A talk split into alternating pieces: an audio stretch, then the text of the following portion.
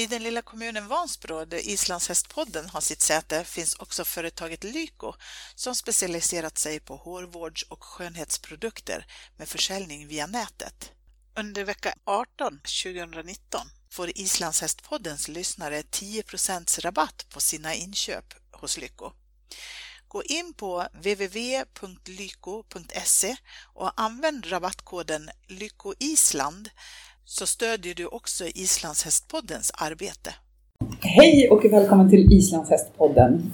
Nu är vi på Island och idag är vi på besök på gården Västerkåt på södra Island nära Selfoss. Och här har jag träffat Toti. Welcome to the Icelandic Course podcast. Yeah, thank you. How would you describe yourself? Who is Toti? Uh, I am raised in the north part of Iceland. I was raised on a sheep farm and we also had, had horses there and, and I grew up with, with horses and, and and later on I went to Hóla school and and when I finished there I, I came to Westcott to work here. Mm. My uh, father and mother-in-law own, owns the farm and, and I've been working for them. Uh, I was working for them in the beginning and then I'm just working for myself now. Mhm. And me and my girlfriend Hilda are running the place. Yeah. Mm. So tell us a bit, a bit about Västerkåt. What is the background? How did it all start? Yeah, this was a cow farm until 2006 when they bought it and, and changed the, the, the cow house into a stable Mm. and built a riding hall next to it and, and, and started breeding horses. Mm. And uh, the first foal who was born here was Bunny Yeah. frá Vesturgoti. Uh, and uh, they started small and, and then they have, have been adding more mares and, and me and Hulda are now adding more mares into the breeding and it's, it's getting always a little bit bigger. Mm. and and, and so there are we only have horses here. Mm. It's, it's the only thing we do. Uh, breed horses and and Yeah. uh, hérna. So the, the farm was bought to be um, a horse breeding farm. Yeah. That's why they bought it Yeah. in the first place. Yeah. Was it a, big, a lot of work before it became what it is today? yeah, it was a lot of work uh, back then for them to change it Mm. and and also to build build, uh, build a riding hall and and and some and, and had to make some roads and and, Mm. and and and build a oval track. Yeah, because we sit now in a in a room in, in the stable. Yeah. And and you have a stable for how many horses? Uh, for 32 horses. 22 horses. And a riding hall. Yeah. Yeah. Mm. And the oval track is outside here. Yeah, just Yeah. ne- close to the house. Mm. And also you have pastures all around here. We can see. Yeah, mm, so we can let them be outside. Mm. Uh, do you have all the horses here, or do you have horses in other places as well? Uh, in the summertime, we have have a little bit of land here close that we can uh, let the youngster, youngsters stay over the summer. Mm.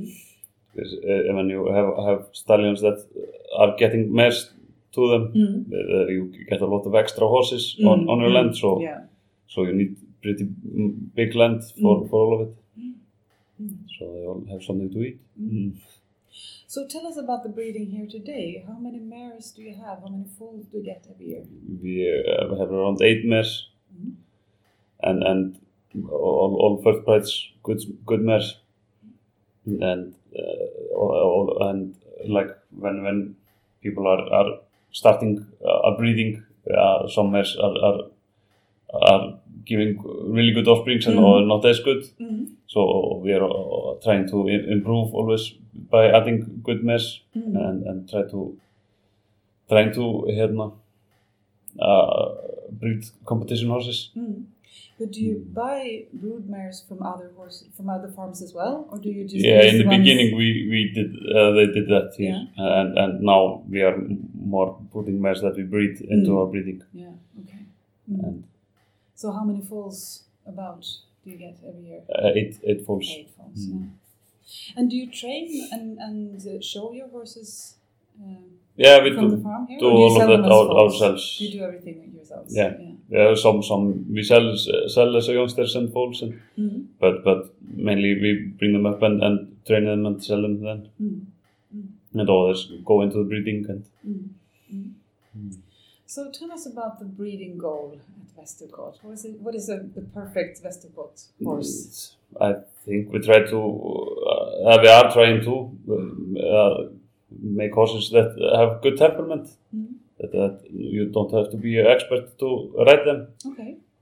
Uh, I think we have reached that goal sometimes at least. Mm. And and, hérna, and also to breed competition horses. Mm. Not only horses that can run the 10 rounds in, in, in breeding show. Yeah. yeah. So I think I think people are, are more interesting more interested these days in, in horses that can compete and, yeah, and, and are useful for more than just running 10 rounds and, and then be go into breeding and Mm, mm. But do you compete the horses from Mr. Gold? Yeah. well? Mm. yeah, I show them in breeding show and, and compete on most of them. Mm. Mm. And what is the market? Uh, Do you sell just to Iceland or do you export horses as well? It's both. Mm. Yeah, but the biggest market is uh, is Europe. Mm. But but uh, there are always some horses that are, are people in Iceland are, are buying, Mm. and and uh, more now than it was a few years ago. Mm. 'Cause the economy was not so good in Iceland a few years ago, and then Icelanders were not so much buying horses maybe, but, Mm. but it's more today. Mm. Mm. And do uh, Europeans buy horses and keep them here? Or do they take Yeah, some. to Europe? Some we have some horses here that people outside of Iceland own Yeah. and are, are breeding with, and and we're also bringing up for them. Mm. And so, and, uh, but but maybe most of them go to a new home when, Mm. when they're sold. Mm. Um, you've also had horses at uh, Landsmot. What does it mean for a breeding farm to have a horse presented at Landsmot or to win big classes at Landsmot? Uh, I think uh, it is a dream of most people in Iceland who, who are, are are breeding horses and owning horses. To, Mhm. to that is, is our biggest event Mm. uh, to uh, get horse that, that everybody want, wants to own at, Mhm. at, at, at so big competition Mm. and show. So uh, uh, that means a lot, I think, to most breeders. Mm. Mm.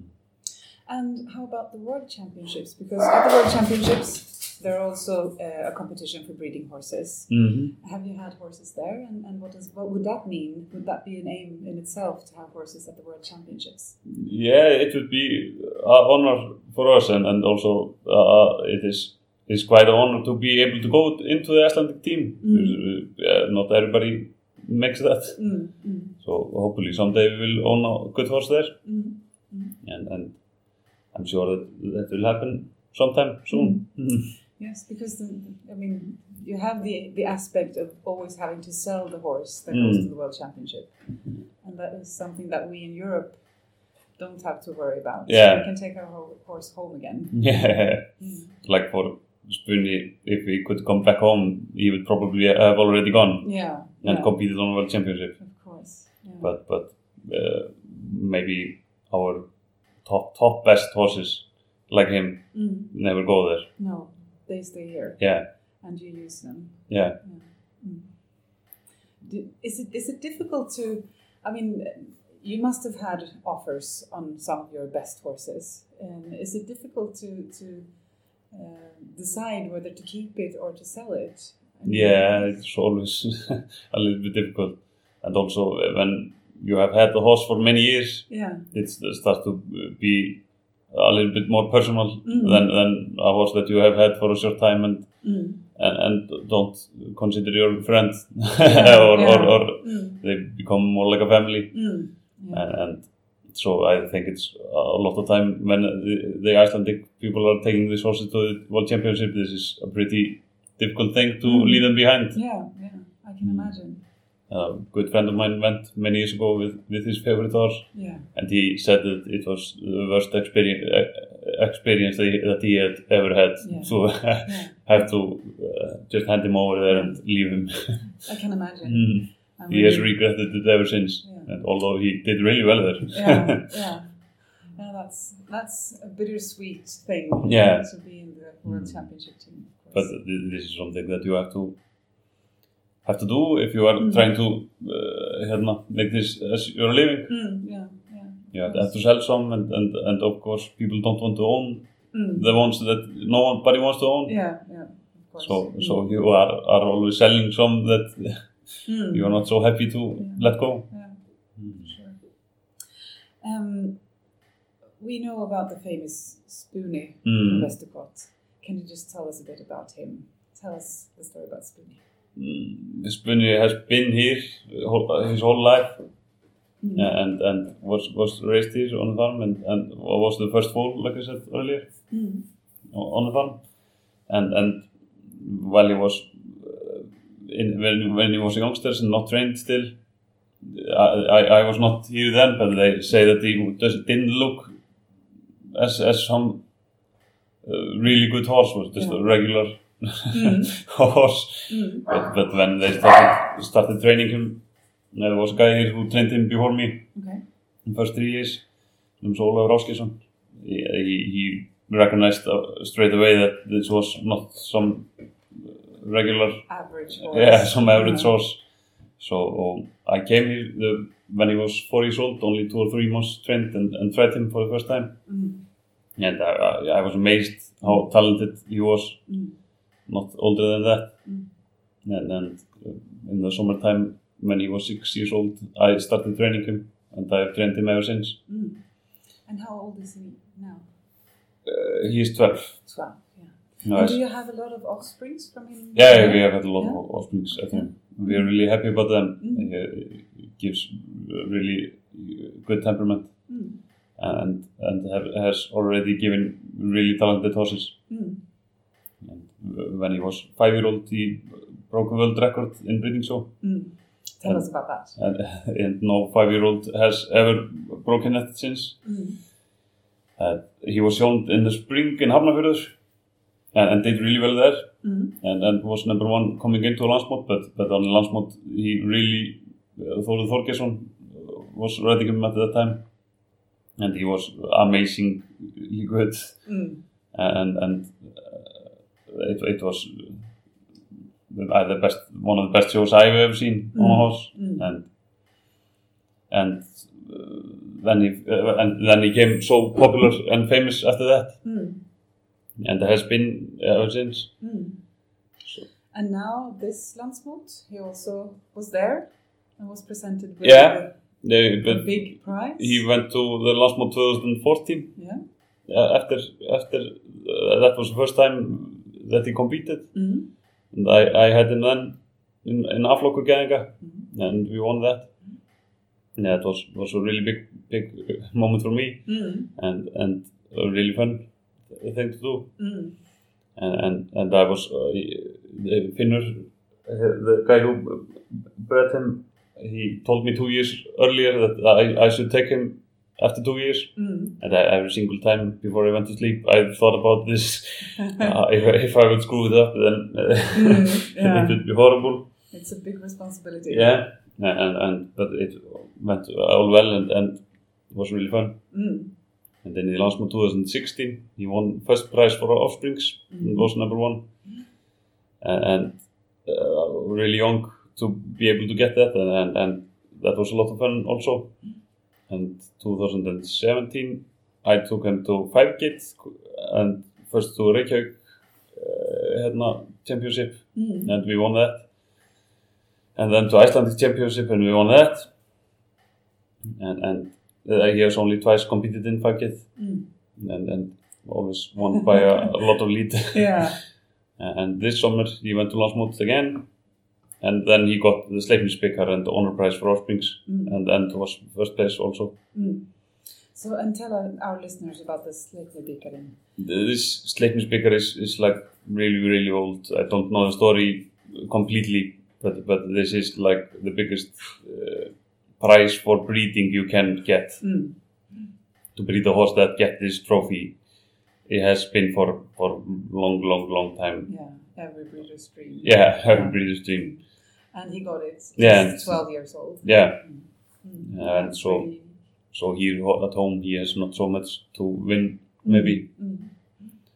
and and will be, maybe be used more like a children's horse here for the grandkids of of, Okay. of yeah. Finnur and Kristín. Ah. Is is used like that in winter time. They ride him in a collar. Mm. So So, what does it mean for a breeding farm to, to have a horse who won the Sleipnibikarin? This was a lot of fun for us. Mm. Uh, that uh, we could see it coming a little bit before Mm. because this is all uh, uh, calculated out, out of numbers over the Mm. offsprings. Mm. But but this is the whole story of of him is like someone wrote it before, Mm. and it was not a true story. Mm. yeah. And I read somewhere that he has the mother of um, Spoonie. yeah, She got a lot of black stallion foals. yeah, Is she that is. correct? Yeah, she has only gotten two mares and ten stallions or Yeah, something. yeah. And and uh, do you still have her? Yeah, she is still here. Okay. Mm. and still giving offsprings. Yeah. We have had other good offsprings after her. Okay. Yeah, I have a four-year-old stallion here now. It's turning five. That we have high hopes for. Mm-hmm. He's after a full brother of Alvasteinn, Okay. father of Spunni, and, Yeah, and, yeah. and the same mother, so Mm. they can't be more related Yeah. unless we bring them there to Alvasteinn, to Denmark. Mm. So, um, uh, that will be a extremely good fighter as well, I think. Mm. And what's his name? His So name know is what to look, for, look, look out for in the future. Sproti frá Vesturgoti. Mm. Do you have any other horse that you would like to to present to us to tell us about from Westerport? Some other horse that meant a lot to the breeding here. Mm, yeah, we have Leikur frá Vesturgoti now, son of Spunni, Mm. Forgetted Stallion. A really good one. He is seven years old and was, uh, was his first year in competition and he was in A finals on the Icelandic Championship now in Okay. Forget. Yeah. And, and I think that might be a horse that someday we might try to take to the World Championship. Mm. And, and hopefully we make it there someday. Mm. And, and we have had a lot of good horses others. There was there were only two. There was another stallion born here the same year as Spunni. Mm. There were only two foals that summer, Okay. and uh, his name was Solon from Vesturgoti. Yeah. He, he has 9.5 from 12, and has been competing a lot. Mm. was Icelandic championship, championship in young young riders in, in combination for forget combination, Okay. and always some uh, Mm. uh, also youngsters. Waiting to see Mm. how, it will develop. And That's nice. Mm. So, what is the vision for the future of Westerport? mm, I hope that we will be able to breed, carry on breeding Spanish blood further Mm. and, and have, have a lot of, of good horses, Mm. not only after him, but after after the mares after him. And Mm. and I think think he, he can add a, a lot of good good hérna, good things to the breed. Mm. And hopefully he will live on like that Mm. for many, many years. That I am positive that we will. That sounds good. Mm. Mm. I think Spunni will mostly be used as a riding horse and children's horse here at Mm. home. Is he is he a nice horse for the children to ride? Yeah, he is extremely uh, easy to ride and and and, and does just what he, he's told. Mm. That's fantastic. Yeah, Yeah, that is nice. and he's not not really scared of the environment. He's Mm. not like getting scared and. uh, Mm. Mm. He's Mm. cool, Yeah. Mm. Does he does he um, give that to his offspring? Yeah, I've been I've been really happy about that. uh, how he gives that to his offspring, and, and also that they are just from they are born really uh, not afraid of people. Okay, Uh, yeah. want wants to come to you and talk to you and, and calm. And yeah. so Mm. I, I think uh, some some of these really top top competition show horses are, are, are maybe not for everybody to ride because of, of they're really sensitive and Mm. And I, I think he, has maybe there have not been many so easy horses so good as like he At his level. Yeah. Mm. Mm. that, that everybody could ride them although it may be not, not top top top but Mm. Mm. but be able to enjoy them Mm. mm. That's fantastic. it has been a lot of honor for me to get to know him Mm. and, and and when I, I took him to the Landsmót I had never uh, done anything like this No. Yeah. uh, so so big and and so it, it will be something that I will remember for the rest of my life to have got gotten to know him Mm. and then although I will never but maybe never do something like that again. I will always have that at least. Mm. So we look forward to seeing a lot of more horses from Västerkot. Yeah, in the Hmm, I hope future. so. Yeah. Hmm. Thank you very much for being a part of the Icelandic Horse podcast. Yeah, thank you. And good luck for the future. Thank you. I den lilla kommunen Vansbro, där Islandshästpodden har sitt säte, finns också företaget Lyko som specialiserat sig på hårvårds och skönhetsprodukter med försäljning via nätet. Under vecka 18 2019 får Islandshästpoddens lyssnare 10 rabatt på sina inköp hos Lyko. Gå in på www.lyko.se och använd rabattkoden lykoisland så stödjer du också Islandshästpoddens arbete.